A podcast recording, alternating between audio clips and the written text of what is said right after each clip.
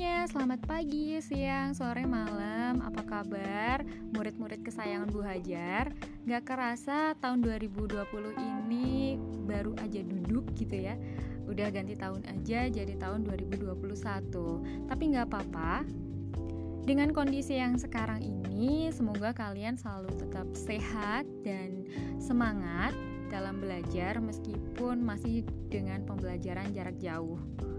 Di semester 2 ini, pembelajaran bahasa Indonesia uh, masih menggunakan Google Classroom.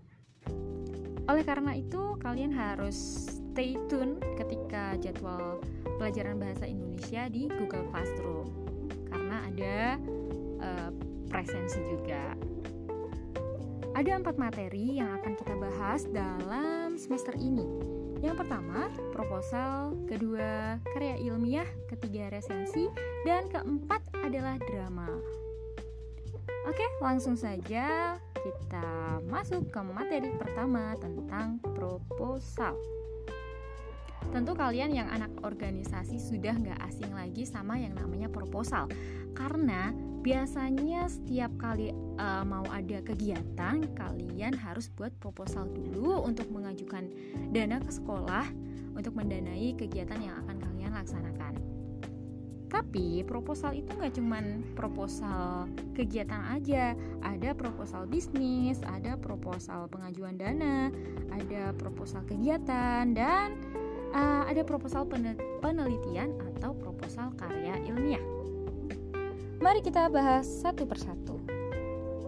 Untuk proposal bisnis nih, uh, sering kali dijadikan ajang perlombaan oleh lembaga-lembaga tertentu atau perguruan tinggi gitu ya. Karena sekarang kan lagi ngetren nih anak-anak muda merintis usaha, ide-idenya menarik dan uh, biasanya yang jadi juaranya itu akan didanai oleh lembaga yang menyelenggarakan perlombaan tersebut. Kalau kalian pernah nonton drama Korea yang uh, sempat viral di minggu-minggu akhir Desember itu, ada drama Korea yang judulnya Startup. Itu menceritakan tentang anak muda yang merintis usahanya dan dan perjuangan untuk mengembangkan usahanya itu ada beberapa part yang menampilkan pemerannya itu mengajukan sebuah uh, lembaran-lembaran uh, proposal gitu yang menjelaskan tentang usahanya. Nah, proposal bisnis di apa di drama start startup ini digunakan untuk mencari investor yang mau mendanai bisnis yang dirintis si pemerannya itu. Jadi proposal bisnis itu uh, berhubungan dengan orang-orang yang mau mencari investor atau dia punya ide usaha apa dan membutuhkan modal untuk memulai usahanya. Yang kedua, proposal pengajuan dana ini berhubungan sama misalnya nih, uh, kita mau membangun gedung atau mengadakan sebuah barang. Biasanya ini di uh, balai desa gitu ya di balai desa uh, ada sebuah lembaga yang mau uh, membangun gedung TPK misalnya itu ya. Nah, itu harus membuat proposal yang diajukan ke balai desa. Lalu untuk proposal kegiatan ini sudah tidak asing buat kalian jadi uh, ketika mau membuat kegiatan kalian harus membuat proposal yang diketahui oleh atasan kalian atau pihak sekolah gitu ya. Dan yang terakhir adalah proposal penelitian atau karya ilmiah. Contoh proposal penelitian itu uh, proposal pengajuan skripsi atau tesis. Ini Bu Hajar pernah membuat ketika kuliah. Jadi sebelum melaksanakan uh, penelitian atau skripsi, Bu Hajar membuat proposal terlebih dahulu yang diajukan kepada dosen pembimbing. Bagi kalian yang mempunyai ide menarik mau meneliti sesuatu gitu, itu sebenarnya bisa dibuat proposal dan diajukan dananya ke pihak sekolah. Jadi kalian yang punya ide-ide nih mau meneliti apa gitu, boleh banget buat proposal dan mengajukan uh, proposalnya ke kepala sekolah. sebelum menulis proposal, kalian harus mengetahui bagian-bagian penting yang ada dalam proposal. Nah, dari keempat jenis proposal yang sudah kita bahas tadi, ada proposal bisnis dan segala macam, itu memiliki bagian-bagian yang berbeda. Jadi proposal bisnis itu bisa aja ada bagian yang berbeda sama proposal penelitian. Mungkin kalian juga akan menemukan uh, ketika searching di Google gitu ya, contoh proposal kegiatan. Kalian menemukan contoh proposal kegiatan satu itu ada bagian sasaran kegiatan. Di contoh yang kedua tidak ada. Nah, itu apakah salah atau gimana tuh? Nah, jadi memang uh, tidak salah ya karena dalam uh, pembuatan proposal pun ada yang namanya gaya selingkung atau perbedaan penulisan. Tapi setidaknya di pertemuan kali ini uh, kita samakan persepsi kita tentang bagian-bagian dalam proposal. Kalian juga bisa sambil simak buku paketnya halaman 143. Kalau di halaman 143 itu tentang bagian proposal e, penelitian ya. Yang akan kita bahas kali ini adalah bagian proposal secara umum. Yang pertama ada judul. Setiap judul dalam uh, proposal memiliki karakteristik masing-masing. Misalnya dalam proposal bisnis, judulnya itu dibuat semenarik mungkin dan membuat uh, investor itu penasaran atau dewan juri penasaran, gitu ya. Nah, uh, berbeda dengan judul dalam proposal penelitian itu harus menggunakan bahasa baku dan benar-benar diperhatikan tata tulisnya. Kita akan pelajari tata tulisnya di pertemuan selanjutnya. Bagian yang kedua adalah latar belakang. Di bagian latar belakang ini kalian tulis alasan-alasan kalian mengapa uh, bisnis kalian itu bagus atau kegiatan kalian itu harus dilaksanakan atau penelitian kalian itu menarik untuk dilakukan. Jadi uh, harus ada data pendukung juga dalam latar belakang tersebut yang ketiga tujuan, yang keempat metode. Nah, metode ini disesuaikan dengan proposal yang kalian buat. Kalau uh, penelitian berarti metode penelitian. Kalau uh, proposal bisnis berarti metode atau strategi pengembangan bisnisnya. Lalu kalau proposal kegiatan bisa diganti dengan sasaran kegiatan. Lalu yang kelima, jadwal pelaksanaan, keenam, rencana anggaran, dan yang terakhir adalah daftar pustaka.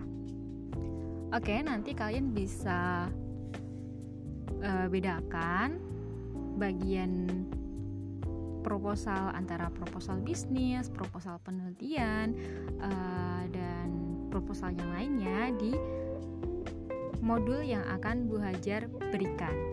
Oke, terima kasih sudah menyimak materi pada pertemuan pertama kali ini. Semoga kalian tetap semangat dan jangan lupa tersenyum. Bye bye, terima kasih.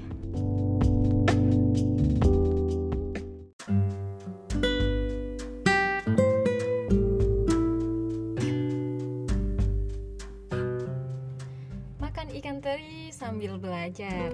Eh, ketemu lagi sama Bu Hajar. Assalamualaikum warahmatullahi wabarakatuh. Selamat pagi semuanya. Kita akan melanjutkan materi uh, proposal tapi bagian dua ya yang akan saya bahas kali ini adalah tentang tata penulisan proposal, penulisan daftar pustaka, dan kaidah kebahasaan dalam proposal. Oke langsung saja uh, yang pertama penulisan dalam bahasa Indonesia. Saya pengen sedikit curhat tentang uh, beberapa penulisan yang kadang bikin saya kesel misalnya nih saat kalian bilang terima kasih bu terima kasih pak itu kan penulisannya harusnya terima spasi kasih gitu ya. Jadi tidak digabung tapi harusnya dipisah. Terus juga ketika kalian menulis di di rumah itu harusnya di spasi juga ya. Tapi masih banyak yang menulis di rumah itu digabung nah itu beberapa hal yang perlu kalian perhatikan ketika menulis eh, nggak uh, hanya proposal ya tapi menulis dalam eh, tugas-tugas di mapa lain dan menulis di kehidupan sehari-hari pada penulisan judul yang perlu kalian perhatikan adalah besar kecilnya huruf, lalu juga penulisan istilah asing dan tanda baca. Kalian juga bisa sambil simak modul yang sudah Bu Hajar berikan. Untuk penulisan istilah asing, diingat-ingat betul bahwa penulisan asing itu diketik miring. Misalnya nih, yang ada di contoh seaweed crispy. Seaweed itu kan bahasa Inggris. Nah, dalam bahasa Indonesia penulisannya harus dicetak miring.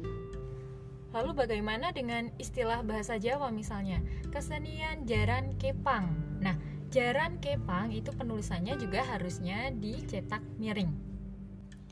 Untuk uh, penulisan besar dan kecil huruf yang perlu kalian perhatikan adalah partikel atau konjungsi.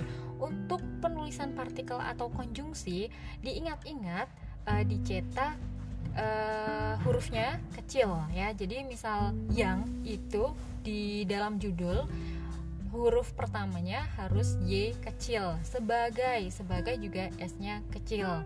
Terus di Kabupaten Temanggung misalnya ya di D-nya itu D-nya juga kecil. Jangan lupa untuk memperhatikan eh, kata-kata uh, yang kalian gunakan dalam menulis proposal harus sesuai dengan KBBI nah kalian bisa download atau mengunduh KBBI yang versi kelima yang bisa diakses di aplikasi jadi nggak usah buka-buka uh, eh, KBBI yang besar banget gitu yang buku.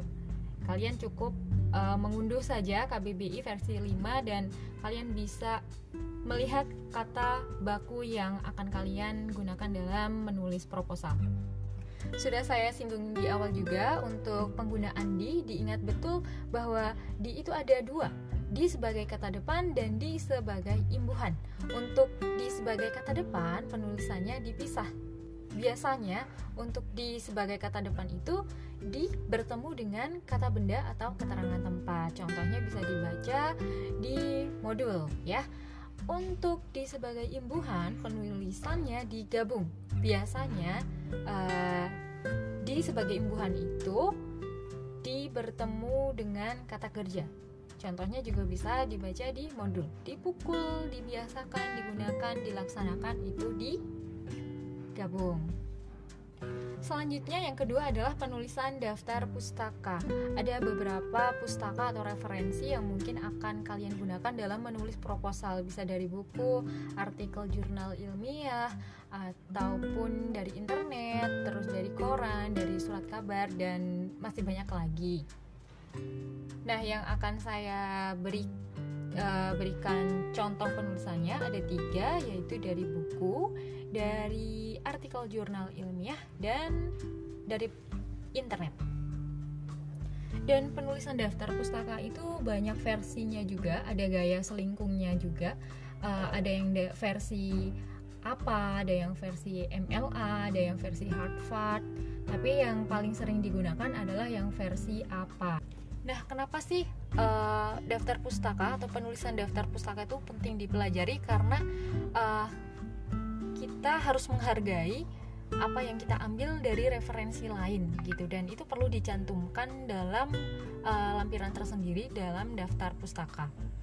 Mungkin kalian nanti ketika kuliah juga akan uh, membuat skripsi atau tesis dan dosen pembimbing kalian kalau kalian menemukan dosen pembimbing yang sangat cermat dalam uh, penulisan daftar pustaka ini kalian harus membuatnya secara benar.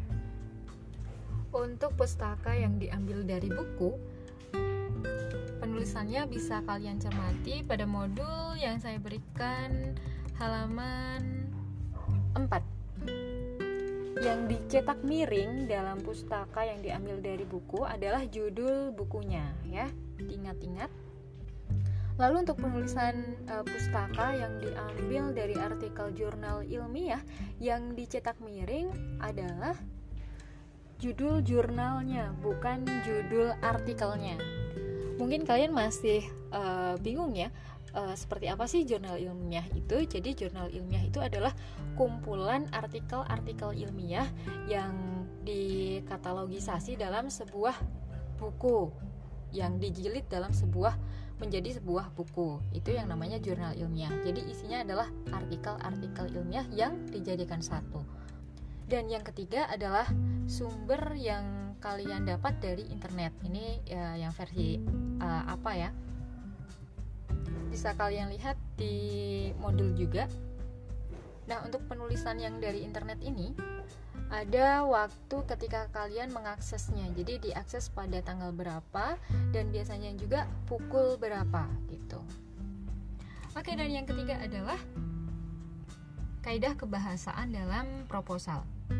Nah dalam proposal itu uh, khususnya yang uh, proposal penelitian ya biasanya menggunakan istilah-istilah ilmiah misalnya nih metode penelitian Oke, yang baku metode penelitian atau metodologi penelitian? Hayo. Hayo, hayo, hayo. Apa hayo? Nah, itu buat PR ya. Terus juga ada kata biasanya ada kata analisis atau analisa. Ya, itu perlu diperhatikan juga hipotesis atau hipotesa. Teknik atau teknik. Nah, coba kalian nanti cari di KBBI yang benar ya penulisannya seperti apa kaidah yang kedua biasanya dalam proposal itu banyak menggunakan kata kerja ya atau verba. Nah, verba itu ditandai dengan imbuhan mem, ber, me plus seperti itu. Ada juga kata-kata pendefinisian, misalnya adalah merupakan, yakni, yaitu. Ada juga kata-katanya itu bersifat keakanan, maksudnya nih maksudnya tuh dalam proposal itu kan uh, proposal itu berisi sebuah perencanaan jadi kata-kata yang digunakan itu biasanya diharapkan, direncanakan, bukan uh, telah membuat atau telah berhasil, telah dilaksanakan. Kalau yang telah telah telah itu biasanya itu namanya laporan pertanggungjawaban ya, bukan proposal. Yang terakhir, kata-katanya itu denotatif, bukan konotatif. Kalau konotatif kan makna kiasan. Nih biasanya anak-anak indie nih biasanya menggunakan kata-kata yang penuh dengan kiasan. Kalau dalam proposal, kata-katanya lugas. Jadi tidak bermakna ganda. Misalnya mak Misal nih kalimat denotatif yang ada dalam proposal bisnis. Strategi pemasaran yang kami gunakan adalah sistem MLM gitu. Jadi uh, itu ya penulisan daftar pustaka dan kebahasaan yang perlu kalian perhatikan ketika mau membuat proposal. Oke sekian podcast hari ini. Semoga kalian semakin semangat belajarnya dan jangan lupa tersenyum. Wassalamualaikum warahmatullahi wabarakatuh.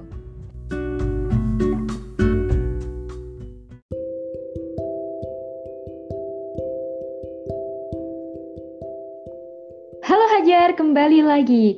Sudah pasti podcast kali ini aku enggak sendiri. Hari ini aku sudah ditemani seorang guru berprestasi, guru saya waktu SMA.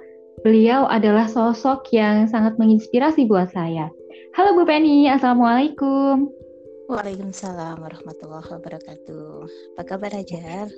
Alhamdulillah, baik juga Bu. Uh, ini hari ini sedang WFHA atau WFO Bu? WFO ini. oh, berarti di sekolah ya? Iya. Ya, saya tuh sudah lama sekali tidak berjumpa sama Bu Penny. Terakhir ketemu kayaknya waktu saya lulus SMA. Iya iya. eh kayaknya okay. pas kuliah pernah ketemu deh. Pas aja eh, gimana? Kuliah. Ah di sekolah, kamu pas ke sekolah. Oh, di sekolah. Oh iya, saya lupa. ya, Bu Beni sekarang sedang sibuk apa? Ngajar daring? Enggak, hari ini tadi cuma periksa-periksa di Google Classroom. Uh, hari ini kebetulan tidak ada kelas yang harus diajar daring. Masih ngejar-ngejar tugas yang uh, belum mengerjakan tugas nggak Bu? That's right, betul. itu tuh kayak jadi masalah utama di semua sekolah ya. Saya tuh juga seperti itu loh Bu. Seperti itulah. Aku juga entah gimana caranya ini. Sudah berbagai cara. Oh ya teman-teman, hari ini kita akan berbincang sama Bu Penny tentang pengalamannya sembuh dari COVID-19. Betul ya Bu? iya betul. Ya, sebenarnya menurut Bu Penny, virus ini tuh menyeram, menyeramkan nggak sih? Dan uh, karena di luar sana ada yang beranggapan virus ini sangat berbahaya, tapi di sisi lain ada orang yang menganggap uh, atau menyepelekan virus ini. Kayak di pasar tuh saya kalau lihat orangnya tuh santai-santai aja gitu. Coba menurut Bu Penny pendapatnya seperti apa? Iya, baik. Uh, menurut Bu Penny yang namanya virus COVID itu yang pengetahuan Bu Penny ya itu sebenarnya sama dengan virus-virus flu karena memang virus uh, COVID ini kan namanya juga corona ya. Corona itu sudah sudah sudah lama ada gitu. Hanya hmm. saja jadi kalau jenisnya itu sama aja dengan virus yang influenza biasa gitu ya. Hanya saja kekuatannya itu yang lima kali lipat dari virus influenza biasa. Hmm. Maka ketika dia itu menyerang tubuh kita, maka kekuatannya juga harus kita bentengi diri kita lima kali lipat dari yang yang biasanya gitu. Dan memang virus ini agak-agak unik ya karena dia akan menyerang itu uh, tidak spesifik ke uh, organ tertentu pernafasan misalnya enggak seperti itu tapi bisa ke mana-mana tergantung dari kekuatan si tubuh yang kena virus itu jadi kalau menurutku ini nggak bisa lah disepelekan gitu ya. Hmm. ya yang sudah ngerasakan kayak gini deh. Uh, boleh boleh di share nggak sih bu pengalamannya waktu pertama kali uh, dulu tahu bahwa uh, Bu Penny ter terinfeksi? Itu. Iya. Oke. okay. Jadi gini, awalnya kan memang dimulai dari ketika suami saya sakit ya. Suami saya sakit, ya. suspek COVID. Hingga kemudian sebelum suami saya eh, resmi terima kabar bahwa beliau resmi kena COVID itu beliau sudah meninggal.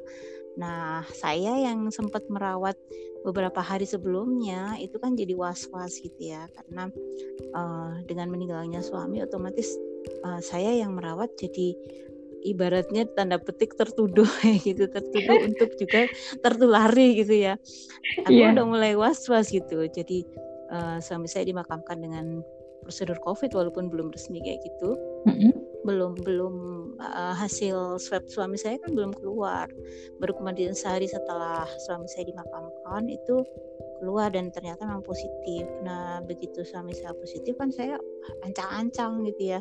Ah, saya mm -hmm. udah mulai menata diri, menata hati lah terutama untuk uh, menghadapi kenyataan gitu.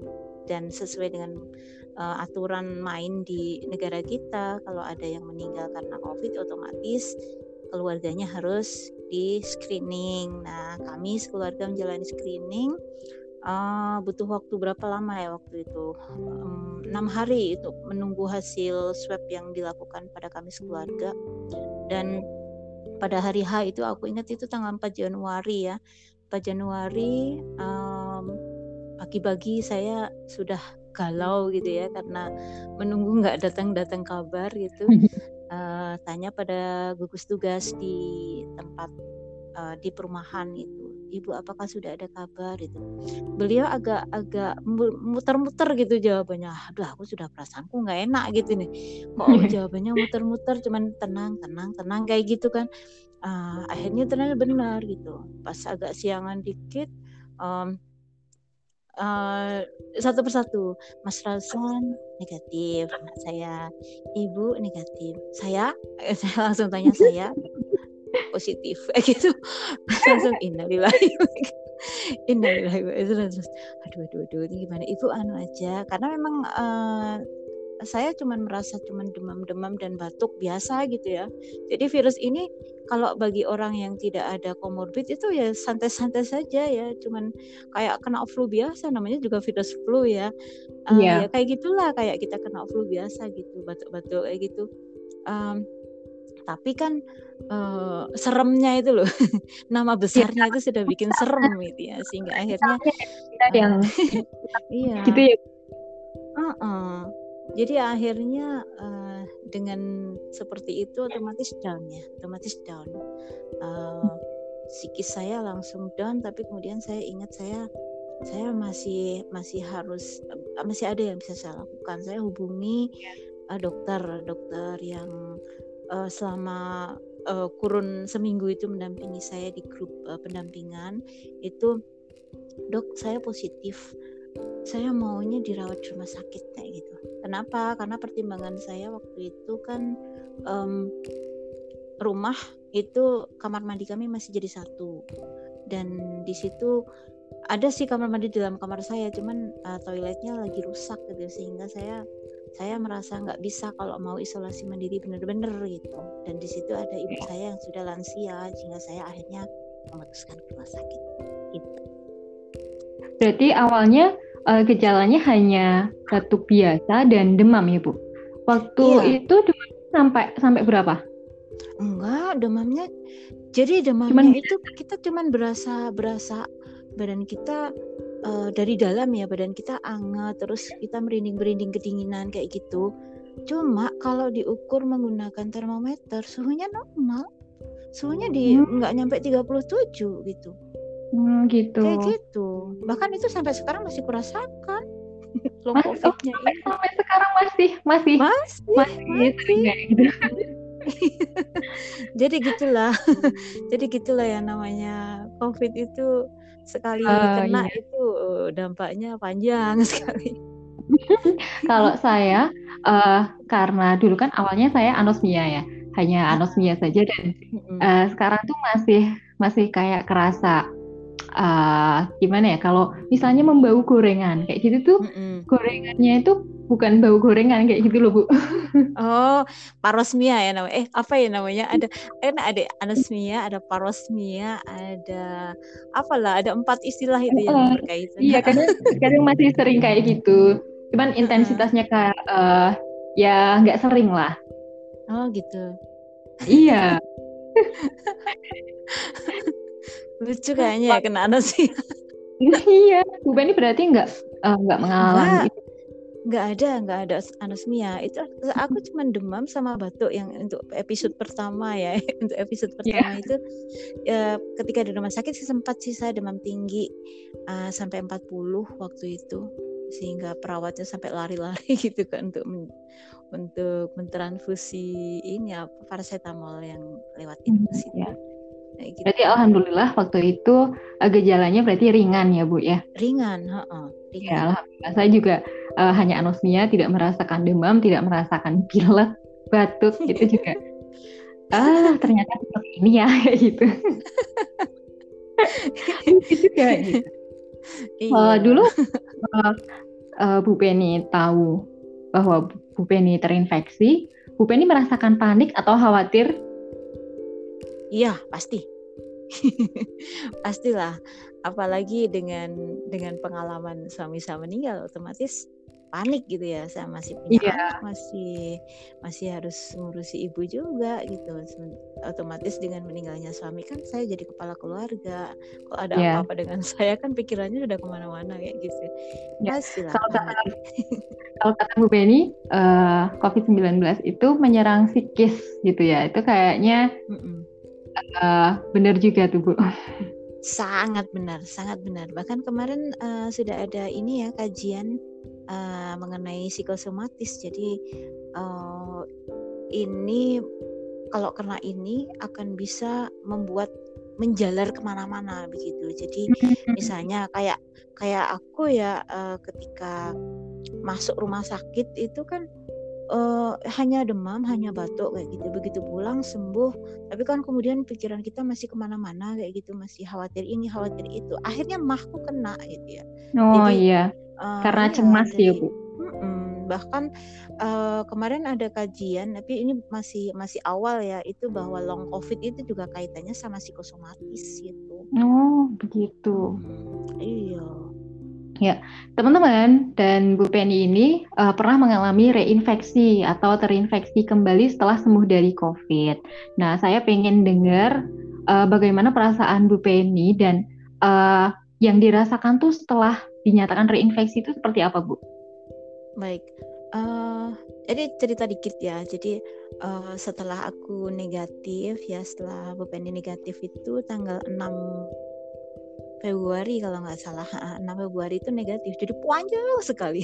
Swab tanggal 29 Desember 2020 baru negatif 6 Februari 2021 39 hari itu aku hitung. 39 hari baru negatif. Nah saking bahagianya ya itu tanggal 7 78 78 waktu itu kan jateng di rumah aja ya sehingga uh, belum ada tamu. Nah, tanggal 9 itu mulai berduyun-duyun karena mereka ya satu mau takziah karena suami saya meninggal dan satunya lagi ya sudah kangen kali ya sama Ben. Yeah. Uh, uh, akhirnya berduyun-duyun lah banyak tamu waktu itu di samping itu juga Bu Penny sudah mulai harus kerja sekolah harus kontrol nah itu tiap hari jadi tiap hari itu uh, ada aktivitas yang yang Bu Penny lakukan sehingga dikontrol terakhir hari Sabtu itu tanggal uh, berapa ya 13 ya tanggal 13 itu mm-hmm. sudah mulai merasa nggak nyaman uh, dokter minta uh, Bu Penny swab antigen akhirnya swab antigennya baru bisa dilaksanakan hari Senin tanggal 15 Februari karena sudah terlambat untuk jadwalnya itu karena kontrolnya udah agak siang. Maka hari Senin uh, Bu Penny berangkat ke sekolah terus ke rumah sakit untuk swab. Alhamdulillah swabnya negatif. Terus pulang lagi ke sekolah balik. Nah tanggal 16 nya Selasa itu uh demam demam sampai uh, kayak gitu ya meringkuk nggak bisa apa-apa di tempat tidur. Kemudian WA dokternya dok dok saya kok kayak gini dok? Apakah saya harus ke IGD ya? Gitu. Ya ke IGD aja nanti biar kita cek semuanya gitu dokter bilang gitu. Akhirnya berangkat ke IGD sampai di sana harus ikut prosedur COVID otomatis rapid test reaktif. Otomatis ya, harus masuk ruang isolasi. Isolasi.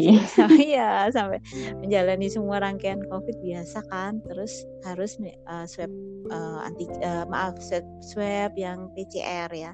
Nah akhirnya tanggal 17-18 diambil sampel PCR-nya, tanggal 19 eh, keluar yang swab tanggal 17 negatif, tapi yang tanggal 20 itu keluar positif. Loh, kok, lah, kok bisa situ kok bisa beda-beda gitu, Bu?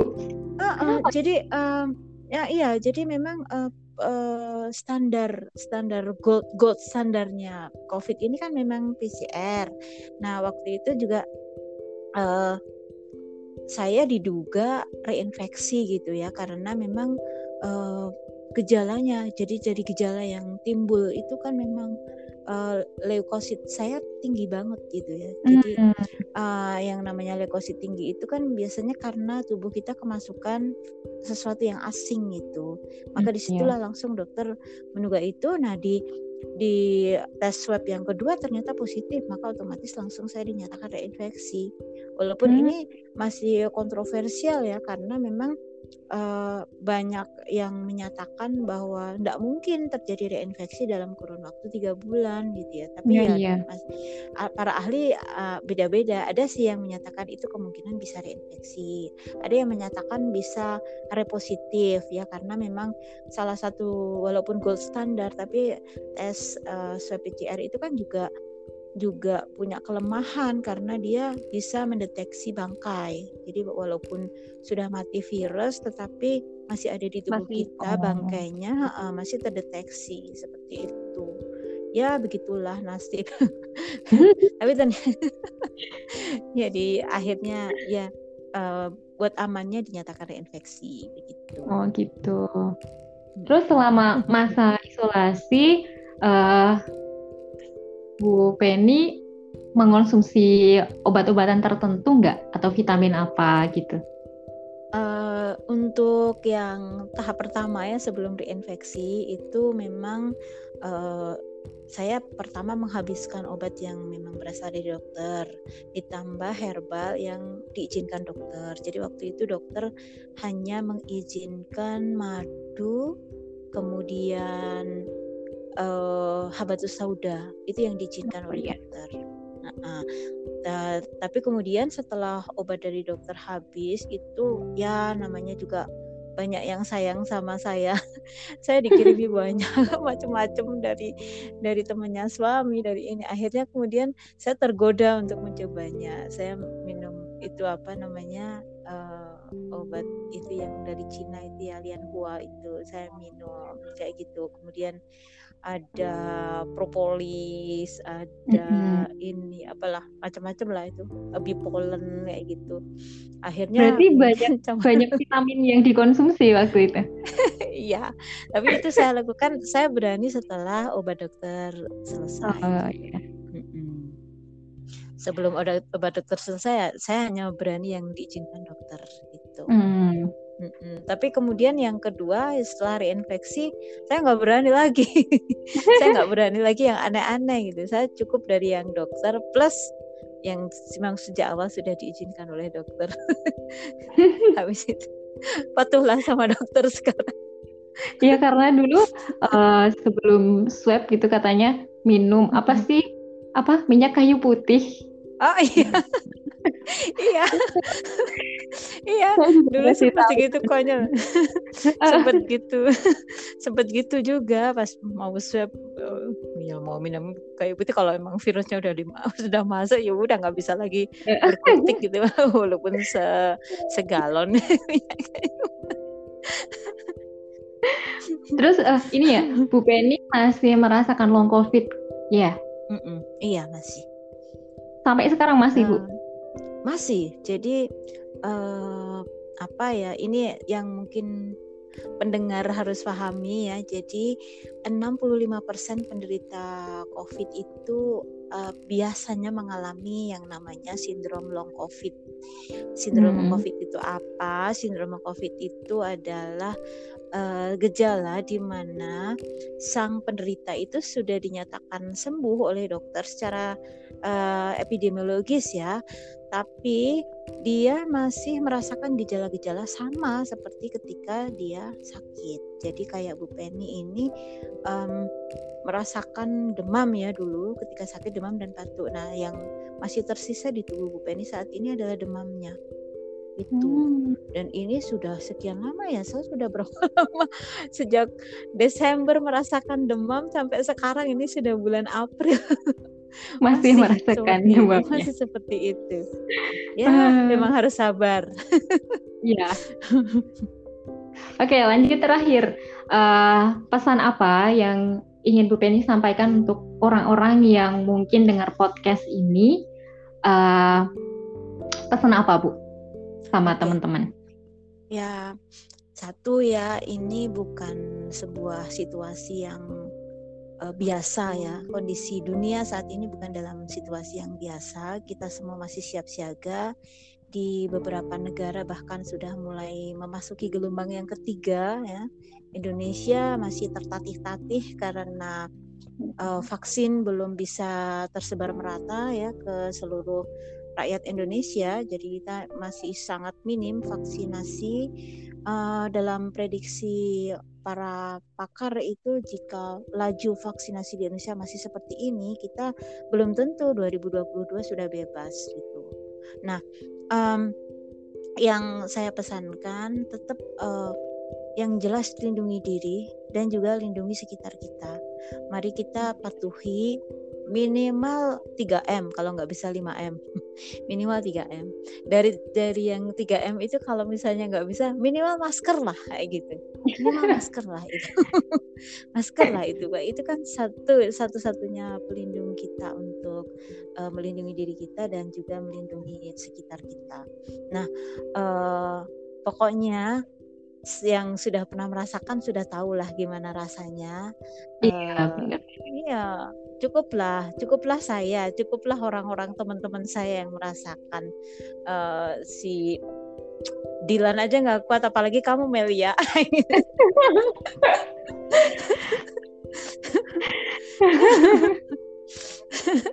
Ya biar gitulah. jangan sampai kena.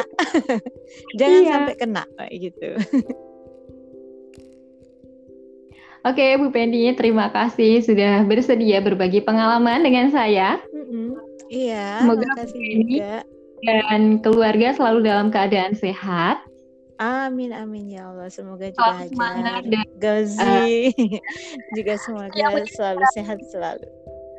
Ini Bu Penny itu salah satu guru yang guru berprestasi loh teman-teman.